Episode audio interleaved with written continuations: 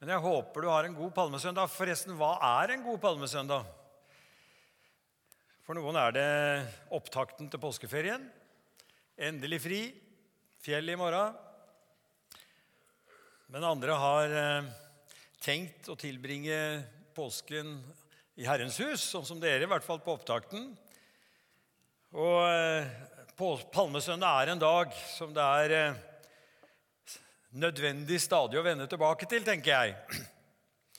For å reflektere over noen bibelske sannheter og bibelske prinsipper. Og det er iallfall det jeg har tenkt å gjøre nå. Og Vi leser eh, teksten fra Johannes sin beskrivelse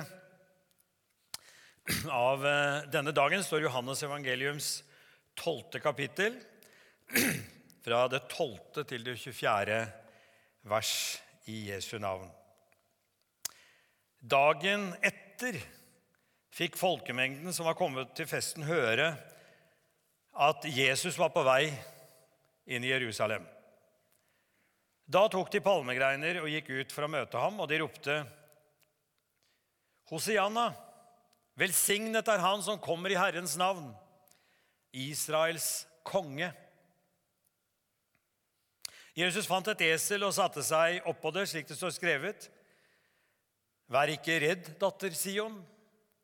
Se, din konge kommer ridende på en eselfole. Dette skjønte ikke disiplene med det samme, men da Jesus var blitt herliggjort, husket de at dette sto skrevet om ham, og at folk hadde hilst ham slik. Alle de som hadde vært til stede da han kalte Lasarus ut av graven og vekket ham opp fra de døde, vitnet om det. Det var også derfor folk dro ut for å møte ham, fordi de fikk høre at han hadde gjort dette tegnet. Fariseerne sa da til hverandre.: Der ser dere at ingenting nytter. All verden løper etter ham. Det var noen grekere blant dem som var kommet for å tilby under høytiden. De gikk til Philip, som var fra Betzaida i Galilea, og sa, 'Herre, vi vil gjerne se Jesus.' Philip gikk da og fortalte det til Andreas, og sammen gikk de og sa til Jesus. Jesus svarte, 'Timen er kommet, da menneskesønnen skal bli herliggjort.' Sannelig, sannelig, jeg sier dere, hvis ikke hvetekornet faller i jorden og dør, blir det bare det ene kornet. Men hvis det dør, bærer det rik frukt. Herre, hellige oss i sannheten. Ditt ord er sannhet. Amen. Av og til syns jeg veldig synd på, synd på politikere. Vet ikke om den deler min sympati der, men samme hva de gjør Noen ganger da, så går det nedover på gallupen. Se på Jonas nå! Det er samme hva han finner på, samme hva regjeringen gjør. Så stuper galluptallene, og Erna sitter bare stille i båten og bare ser på. Og, og tallene stiger. Sånn svinger det. Er ikke det rare greier? Står hjelpeløse overfor makta som ligger i flokken. Eller i den store hopen som stadig er i bevegelse. Men vi kan spørre hva slags mekanismer foregår inni hodene til alle oss som tilhører en eller annen flokk, for det gjør vi jo. Det er flere grupper her, selvfølgelig. Det er den standhaftige, salige lille flokk som aldri beveger seg, som stadig bare blir mer overbevist, selv om de blir færre. Og så er det alle andre som umerkelig glir, beveger seg, lar seg drive fra flertall til flertall, eller drive over til det som for tiden er mest populært. Mennesker i flokk er virkelig både best og verst. Å opptre i flokk kan få fram det beste og det verste i oss. Og ting kan snu skremmende fort. Jeg er sikker på mange av oss kan huske med gru hvordan det var i skolegården når han eller hun ble mobba. Hvordan vi tause trakk oss tilbake eller lot oss drive over i mobbernes rekker. Noen få sto opp for de upopulære. Eller Du tilhørte de som ble mobba. Og du så deg rundt og lurte på hvor ble det av vennene, de som kalte seg mine venner, de svikta i nødens stund. Ja da. Vi kan kjenne oss igjen. Og i temaet flokk så er det ofte sånn at vi kan snakke om den støyende minoritet. Eller den tause majoritet. En gruppe tilsynelatende med veldig stor oppslutning, enda de er få, for de støyer så fælt. Men den egentlige flertallet de holder seg helt i ro, er tause. Jeg har opplevd det på menighetsmøter, jeg. Og hvem har ikke opplevd akkurat den dynamikken også i forhold til flokk? Og Det rare er, eller det vi ser, da, er at alle disse mekanismene uansett er i bevegelse og er i spill i løpet av påsken. Flokken som beveger seg fra positiv til negativ i forhold til Jesus. Jesus som helt. Jesus som mobbeoffer. Kanskje noen av de samme menneskene som hyllet Jesus, som vi hørte i innledningen her, på palmesøndag, hadde drevet over til flokken som ropte 'korsfest' på langfredag. Den begeistrede velkomstkomiteen hadde blitt til en lynsjende mobb. Det er klart at mange var skuffa, sinte og redde. Fenomenet Jesus var rett og slett blitt et problem. Vi leste i teksten her at oppvekkelsen av Lasarus var blitt et problem. Det er rart. Et under. En død er blitt levende. Det ble et problem, og de lærde, de som styrte det religiøse livet, de sa til hverandre nå nytter det ikke. Nå kan vi like godt gi opp. Alle løper etter han nå. Det er rart at en velgjerning kan føre til så mye negativt. At de legger opp planer om å rydde Jesus av veien. Vi mennesker er rare. For det, det er ikke lett å kjempe mot oppvekkelse av døde. Det skjønner jo alle. Men det er nesten som du av og til kan si til oss, kan vi føle noen ganger også, at det er greit at dere er litt rare, det er greit at dere virker litt fanatiske, bare dere ikke sier at det virker. Bare dere ikke påstår at det hender noe. Og i hvert fall ikke hvis dere påstår at Jesus er den eneste veien til Gud. Det får dere holde for dere sjøl. Men hold på med deres, sysle med deres. Sånn var det sikkert da også. Vel, På langfredag var det nok mange som likevel hadde klare forestillinger om hvem Jesus var. Men like mange som ikke skjønte hvorfor de ble med i denne støyende mobben noen dager etterpå altså etter, fra, på langfredag etter palmesøndag. De ble revet med i fellesskapet av stemningen. Kanskje de var sinte på noe helt annet. Det er iblant sånn vet du, at du er sinna på noe, men du lar det gå ut, gå ut over det som er der i øyeblikket. Vi vet ikke, men sånn er vi mennesker. Men det mest overraskende, og det som slår meg mest med hele dette som er i glidning, som er i bevegelse i påskeuka, så ser det ut for meg når jeg studerer det, at alt dette er iscenesatt av Gud selv. At det er planlagt sånn. Hele dette maktspillet har en bakenforliggende plan. Ja, ikke bare i påsken, men egentlig i hele Bibelen generelt både i evangeliene og i hele frelseshistorien at veien til seier går gjennom den ene mot de mange, den lille flokk mot den store hop, svakhet istedenfor styrke, død istedenfor liv. Det begynte allerede ved den aller, aller første påsken.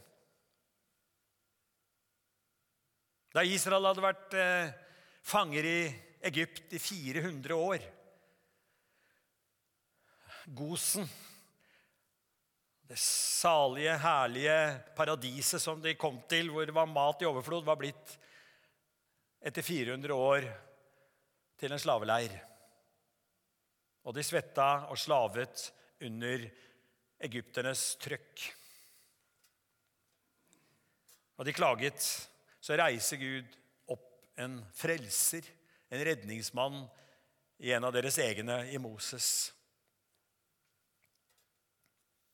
Hva skjer i påsken, den aller første påsken? Jo, døden er på besøk. Døden går gjennom hele landet. Og det som skiller liv og død den natta, det var at et lite påskelam var blitt slakta i alle de hebreiske eller jødiske hjemmene. Døden gikk forbi alle dører hvor blodet fra dette lammet var strøket på utsida av dørkarmene. Hva er dette for noe? Et lite stekt kjøttstykke av et uskyldig lam opp mot døden. Og blodet fra det samme lam samlet i noen kar og strøket av husfaren på dørstokkene, eller dørstolpene. Og farao må gi seg. Og døden går forbi, og livet seirer. En mengde andre voldsomme katastrofer hadde jo skjedd i, i, i ukene og månedene i forveien med alt mulig som ville overbevist en hvilken som helst at nå er det fare på ferde. Men farao stålsatte seg hver gang. Men nå Dette bitte lille, uskyldige Men det er Guds plan. Og det utrolige skjedde at dette ble befrielsens natt for en helt folk. Og innen morgenen grydde, så var folket på vei fra fangenskap til frihet. Sånt skjønner ikke vi mennesker. Men det skjedde. Og nå, på Jesu tid, er faktisk dette folket, Israels folk, jødefolket, fanger på nytt igjen. Det vil si, på litt annen måte, nå er de i landet sitt, men de er altså okkupert av den store romerske verdensmakten. Verdens sterkeste militærmakt. Alle fornuftige mennesker i folket ville spørre hvor er det våpen nok til å, og styrke nok til et opprør. Og mange hadde prøvd seg, men innerst inne visste de svaret. Det nyter ikke. Men midt imellom den går en mann og snakker om liljer på marken, spurver under himmelen, om Guds rike som er kommet nær.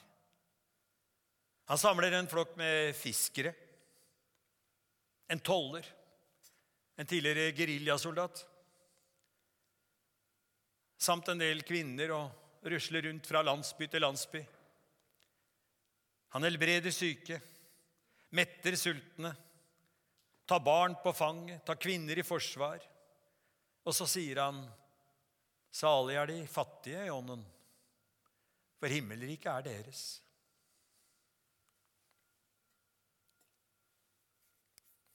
Gradvis øker flokken. Mange hvisker i krokene nå. Kan dette være Messias? Selv sier han ved flere anledninger når han helbreder noen og gjør under, ikke si det til noen, ikke si noe om det. Og Da han hadde mettet 5000 menn foruten kvinner og barn med fem små brød og to fisker, og de ville gjøre han til konge, så flyktet han opp i fjellet, dro seg tilbake. Han visste hvor han skulle. Han visste hva han ville. Og nå er det snart påske igjen. Byen overfylles av folk fra hele landet. Og mellom dem soldater til hest, i rustning eller til fots. Overvåker byen. På den annen side også de religiøse lederne har ute sine folk. For uro tolereres ikke. Det er mye folk i gatene. Spenningen mellom den romerske okkupasjonsmakten og den jødiske befolkningen var sterk. Og mange jøder de lengtet etter Messias og trodde at kan det være at han nå er kommet? De hadde vært skuffet så mange ganger, men de lengtet så etter en frigjører som skulle gjøre slutt på det romerske herredømmet og undertrykkelsen. Hva gjør Jesus? Jesus gjør akkurat det som var profetert om. Han følger det mønsteret som var lagt for lenge siden, og som hadde vært der hele tiden. Ifølge profeten Zakaria Der var det jo forutsagt Bryt ut i jubel, datter Sion. Rop av glede, datter Jerusalem. Se, din konge kommer til deg, rettferdig og rik på seier. Fattig er han, og rir på et esel på en eselfole. Ja, de visste det jo egentlig. Det er så vanskelig å tro det. På en fattig konge. En alminnelig mann. Det er av og til veldig vanskelig å få øye på Gud. Har du hørt historien om når kong Olav var på Lillehammer? Som alle våre konger så har de besøkt by og bygd. Det gjør våre nåværende kong, og det gjorde jo kong Olav under sin lange regjeringstid også. Og Denne dagen var han på Lillehammer, sier historien. Og en liten gutt som gikk på skolen, men skolen hadde fri den dagen, ville ut i byen tidlig, stille seg opp, for han ville se kongen. Og så sto han der på, på gaten hvor han visste at prosesjonen til kongen skulle gå forbi. Og så Snart var det masse folk rundt han, men han var heldig, han sto først. Og så kom toget. Opptoget. Først hornmusikk, og så kom de etter hvert fra byens leder, og der kom kongen. Etterpå så løp han hjem til mora si og sa jublende, 'Jeg så kongen, mamma!' 'Så du kongen, gutten min? Hvordan så han ut?' 'Jo, han var så fin.' Han hadde sånn mørk dress med gullknapper foran. Så hadde han skyggelue med sånn gullgreie foran på skyggelua. Og, og, masse striper på skuldrene. Han var så fin! Ja, men gutten min, det var ikke kongen. Var det ikke kongen, mamma? Hvem var det, da? Ja, Det var politimesteren på Lillehammer, det. Var det det? Ja, men Kongen var ikke han der. Det. Ja, Så du ikke det, han som gikk ved siden av ham? Nei. Ja, han litt lille, litt fyldige, ikke noe hår på hodet og vanlig dress og smilte. Han er veldig smil. Nei, jeg så bare han med gullknappen, jeg. Kan vi kjenne oss igjen? Det hender det at det er sånn. At kongen er så annerledes. At når Gud åpenbarer seg, så er det så annerledes. Det ligner ikke på sånn vi tenker at det skal være. Og sånn ble det jo for jødene den dagen også. Selv om han var kjent av mange, og de flokker seg rundt han. Og jødene kunne jo sine skrifter. De visste om kongen på eselet. Sions redningsmann. Det er ikke rart de griper til palmegrener og tar av seg kappen og frakkene sine og kaster det på bakken og vifter med palmegrenene den dagen. Det er ikke rart de gjør det. Og så tenker de kanskje dypt inni seg snart så bytter han ut eselet med en stolt ganger. Og så hiver han av seg den enkle kappa, og tar på seg rustning, og så leder han oss i felttoget mot romerne. For det er han kapabel til, han som har gjort så mye stort. Som har til og med vekt opp døde. Og så gjør han ikke det. I stedet gir han klar beskjed til disiplene. Skjedde sannsynligvis dagen etter, men Johannes skriver om det her. Som eh, kom med spørsmål fra noen greske turister, noen pilegrimer fra Hellas, som ville gjerne se Jesus. Og så setter, så setter Jesus dem helt på plass. Og så sier han dette isteden. Timen er kommet da menneskesønnen skal herliggjøres. Sannelig, sannelig, sier jeg dere, hvis ikke hvetekornet faller i jorden og dør, blir det bare det ene korn. Men hvis det dør, bærer det rik frukt. Det er her folk begynner å falle. Det er nå stemningen begynner å snu. Det er nå bevegelsen starter. Forventningen vendes til skuffelse. Er han bare en vanlig mann? Selv en av de nærmeste vennene hans kom jo i løpet av de neste dagene til å vende seg mot ham for å forråde ham, og alle svikter ham. Og vi må innrømme det. Det er vanskelig Selv for oss som kjenner oss i historien som de gjorde. Som kan det. Hatt repetert det så mange ganger, dette veldige budskapet. Det er vanskelig, i hvert fall er det for meg, å innse hvor annerledes Guds vei er. Døden som veien til livet. Det lille, det svake, det ubetydelige, det som er foraktet. Det har Gud utvalgt. Det vil Gud bruke. Jeg tror ikke jeg er aleine om å la meg imponere av det som er stort. Av styrke, makt, glans. Ikke minst i vår mediatid. Og Vi kan jo se det av og til i kirken òg. For unnskyld meg at jeg sier det her, men jeg misliker når hele salen ligger i mørke, og, sal, og plattformen er strålebelagt som en scene. Det ligner jo på alle andre scener. Men det skulle kanskje ikke være sånn i Guds forsamling. For det er så annerledes.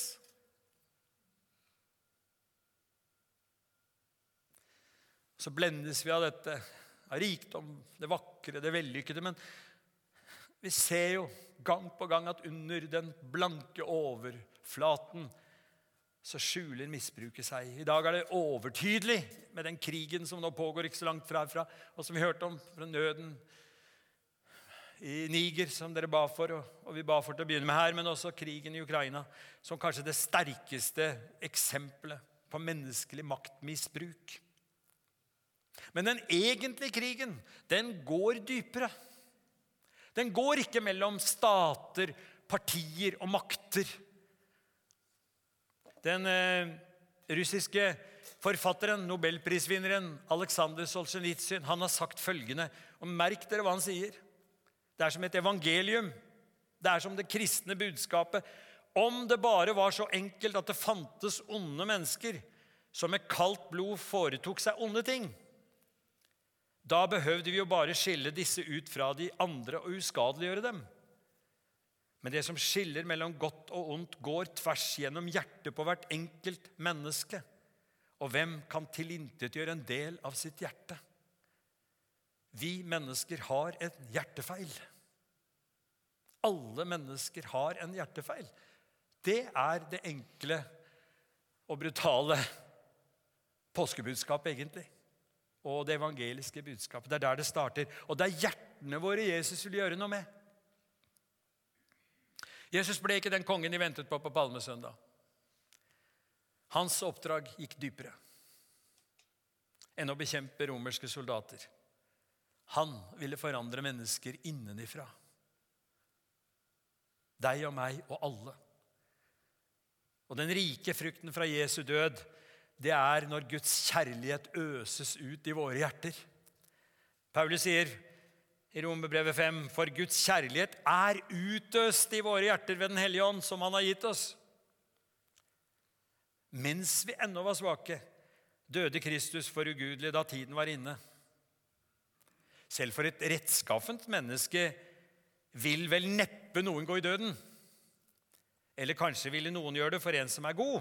Men Gud viser sin kjærlighet til oss ved at Kristus døde for oss mens vi ennå var syndere.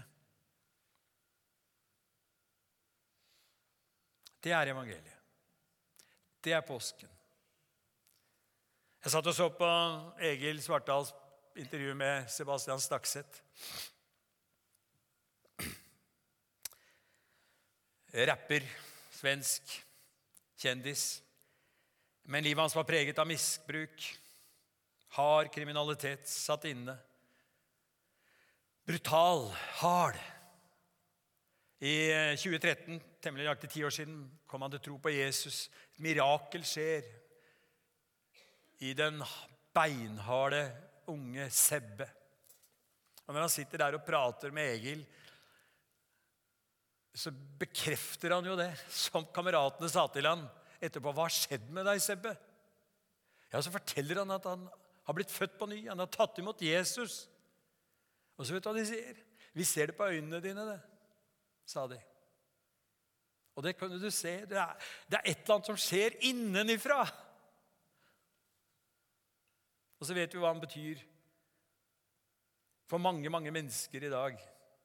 Som et vitnesbyrd om at når Gud får ta tak i hjertet For tiden så holder jeg på å lese om våre røtter, pinserøtter.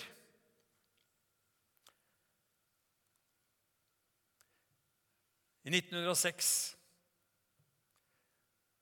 bryter det ut en vekkelse i en liten gatestump i Los Angeles. Asusa Street. I dag er dette huset borte. Jeg har stått på det gatehjørnet en gang, ikke fordi det er noe så spesielt, i og for seg, men har vært interessert i denne historien. Hvor kommer vi fra?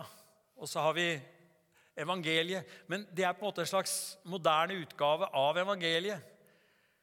Dette stedet hvor de samlet seg, som samlet, kunne samle opptil 1000 mennesker, kanskje, var en, et nedlagt lagerlokale. Ikke brukbart til noen ting, egentlig. og Noen sier at det også hadde vært en stall der, og det var jo ganske pussig i og for seg sammentreff. At når Jesus kom første gangen, kom han også til en stall eller til et sted som ikke var egnet for mennesker, egentlig. Og her er de, disse menneskene. Så fra 1906 til 1909, og vel ut i året der, sånn tre og et halvt år, så, så går det en vekkelse ut fra ingenting. Det er to kjennetegn fra vekkelsen i Asusa Street som på mange måter er verdt å legge merke til. Det ene er at den var fargeløs. Hudfarge spilte ingenting, ingen rolle. Han som var et synlig redskap der, var en afroamerikaner. Blind på det ene øyet, som het William Seymour. Men han satt stort sett under en eske ville helst ikke syns, men sto fram av og til. Og det skjedde helbredelser i et omfang som vi nesten ikke har hørt maken til over disse tre årene. Det andre kjennetegnet var jo nettopp det med den esken, at det var ansiktsløst. De fleste av de som ba for syke eller ble møtt av Gud der, kjenner vi ikke navnet på. Vi aner ikke hvem det var. Og Det er en eller annen sånn typisk guddommelig kjennetegn både ved det fargeløse og det ansiktsløse som kanskje vi har mistet underveis. Men som alltid vil være et kjennetegn der hvor Guds verk går fram. Det er at hva vi kommer fra, vår etnisitet eller hvem vi i utgangspunktet er, spiller ingen rolle. Men Gud bygger et folk av mennesker av alle slag. Og det andre er, som kanskje er noe av det mest utfordrende i vår tid, gjennom tidene, dette at det er også ansiktsløst. For vi må innrømme at i vår slekt, i vår tradisjon, har vi til de grader også vært opptatt av redskaper. Kanskje enda mer enn budskap. Vi har dyrket redskaper framfor budskapet. Hvem taler? Hvem synger? Hvem er med? Det ligger så dypt i oss. Hvem kom vekkelsen med? Asusa Street-vekkelsen var et uttrykk for at det betydde ingenting. Og jeg tror at vår tid trenger den type vekkelse igjen. Er overmoden for det. Og så skjedde det igjen. Den 8. februar, i en liten landsby eller by i staten Kentucky i USA, Wilmore og 6000 innbyggere er det vel der. På dette universitetet som heter Asbury. Den 8. februar var de samlet til morgenbønn og eh, sang ikke til forkleinelse for, for sangeren, og sånn, men, men, men, det var altså sannsynligvis én gitar. og Ikke noe stort band og ikke noe svære greier. Og så sier eh, han som holder andakten da, på denne morgenstunden for studentene, at eh, vi kan være igjen, de som har lyst. Og så ble de der i 14 dager. Og de kom og gikk. Og pga. de sosiale medier i vår tid, det kan brukes til noe bra, så begynte, begynte dette å spre seg. Og det kom folk. Ja, det kom mye folk. I løpet av 14 dager så var det vel en 60 000-70 000 mennesker som var innom der. Det, jo, det var jo helt ka kaotisk. Men folk er sultne. Men hva kjennetegnet denne vekkelsen eller denne oppvåkningen som skjedde der på dette universitetet? Hva kjennetegnet det? At det er ingen ansikter. Det er ingen kjendiser, det er ingen som vet hvem noen er. Det bare hendte. Og det hendte blant unge mennesker. Jeg tror at det er noe der. Og nå har det spredt seg. Og mange roper og tenker, 'Herre, må det komme til oss?' Og det hender her. Det er noen sånn senkede skuldre, noen sånn lavterskel, et eller annet som, som skjer i det lave, i det, i det alminnelige. Det ligner veldig på palmesøndag, på han som rir, rir inn på eselet. Og det hender. Det skjer. På dager vi kanskje ikke tenker engang. Det var en sommersøndag i Salemkirken i Sandefjord, hvor vi er, har vært i pastor i over 20 år, og fortsatt er og bor så var det denne sommeren. Og det var veldig enkelt. Sånn det gjerne er på en sommergudstjeneste. Ingenting av det vi vanligvis fylte en gudstjeneste med, var der. Men det var av at det er av og til turister i byen, så var det denne mannen som også var på gudstjeneste. Jeg gikk bak når gudstjenesten var over, og så sier jeg til han at eh, du får, Unnskyld, det er ikke sånn det er til vanlig her. Det er jo håpløst å si sånn. Men jeg gjorde altså det. Jeg ba om unnskyldning for gudstjenesten. Og så ser han på meg, og så sier han, 'Hva? Kjente du ikke kraften?' Er vi bortskjemte? Har vi ikke de rette kanalene? Han som utenfra som bare var der, han kjente kraften. Jeg unnskyldte for det enkle. Så dåraktig kan det gå an å bli. Men midt i det alminnelige kommer Gud. Vi satt i en middag, mer eller mindre tilfeldig, et sånt opplegg vi har av og til i, i Salemkirka. Veldig interessant, forresten, hvor vi kan melde oss på i forkant til middag. Nei, unnskyld, til å lage middag, til å lage dessert eller til å bare være gjest. Et artig opplegg som jeg har brukt gjennom mange år. Kanskje dere kjenner til det, dere òg. Litt sånn rebus, litt sånn artig. Så når vi kom til Salemkirka den lørdagen klokka halv seks på kvelden, så fikk vi utlevert en lapp for vi hadde meldt oss på til å være gjester den dagen. Vi hadde hatt middagsgjester noen år før. Og Så fikk vi en lapp, og så skulle vi gå dit. Og Så reiste vi dit, og De visste ikke hvem som kom, de visste bare hvor mange de fikk. så på den måten er det litt sånn moro da. Og så blir vi satt sammen med folk vi ikke kjente fra før. Eller ikke vært så mye sammen fra før. Det var en flott middagsstund, og midt i middagen så, så brøt vi en ny konvolutt. og Da skulle alle gå til nye adresser og spise dessert. og Så kom vi dit, og da kom vi sammen med ei dame. Hun het Kristin. Jeg har hilst på henne. Men da fikk vi vitnesbyrdet hennes. Og, inn, og, Når du ser henne, så er det omtrent som med, med Sebastian Stakset. Du ser det i øynene. Det er noe der inne. Og så vil du tenke når du møtte henne, en dame ca. 50 kanskje Ja, Hun er jo av disse som har vokst opp. Hun har jo vært kristen hele sitt liv. Det bare ser du på henne. Hun oppfører seg så kristelig. Og så forteller hun. Inntil for ett år siden var jeg ateist. Jeg ville ikke ha noe med dette å gjøre. Jeg aldri, har aldri gått på, på hatt kristendom i skolen. Jeg vokste opp i en rent ateistisk familie med helt andre både politiske og, og, og andre typer verdier. For så, for så vidt sånn, sånn, flertalls, sånn som, sånn som Hopen tenker. Sånn tenkte hun. Mannen hennes hadde en kristen bakgrunn, men hun hadde helt avstand. Hadde ingen peiling, ingen dragning, ingenting. Men så skjer det noe en natt. Og hun opplever noe i drømme, for noe hadde skjedd i livet hennes. Hun begynte å lete merkelig måte, begynte å lete etter noe som var mer mening enn det hun hadde innenfor det politiske og innenfor sine verdier og sine sammenhenger. Og så skjønte hun inni seg at det er noe her, og det har med kirke å gjøre. Hun begynte å google og søke til forskjellige kirker og forskjellige sammenhenger. Hun måtte et sted. Men hun falt ikke til ro. Og helt tilfeldig, sier hun, så datt det inn dette med, med vår menighet. da. Og så kommer hun inn der, og så sier hun til seg selv Her er jeg hjemme. Og så var hun hjemme. Helt liksom av seg selv. Og jeg tenkte med meg sjøl Dette hender nå. Denne dama var ateist og en gudsfornekter og helt fjern inntil for et år siden. Kanskje det er dette vi skal vente på? Kanskje det vi gjør, er bra nok? Kanskje det folket vi er en del av, har en arv, noe vi, vi, vi bærer i våre gener, som nå skal blomstre, som nå hender. Og så skal vi glede oss over det. Slutte å se ned på oss sjøl. Slutte å lengte etter helt andre ting. Slutte å være med den bevegelsen som skjedde fra palmesøndag til langfredag. og la oss drive over i misfornøydes flokk. Men tenk at han som kom på palmesøndag, han som går i døden på langfredag, han som står opp på første påskedag, er og blir denne verdens håp. Palmesøndag viser oss altså i klare bilder forskjellen på Guds vei og Guds visdom og menneskelige veier og menneskelig visdom. Som en oppsummering på hele dette bibelske budskapet om svakhet istedenfor styrke. Det lille som seirer over det store. Og Jesu død som veien til liv.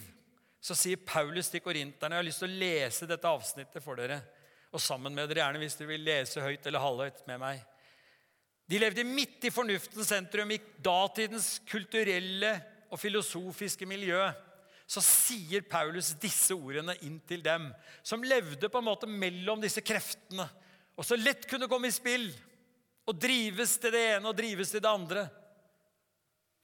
Så sier han For ordet om korset er en dårskap for dem som går fortapt.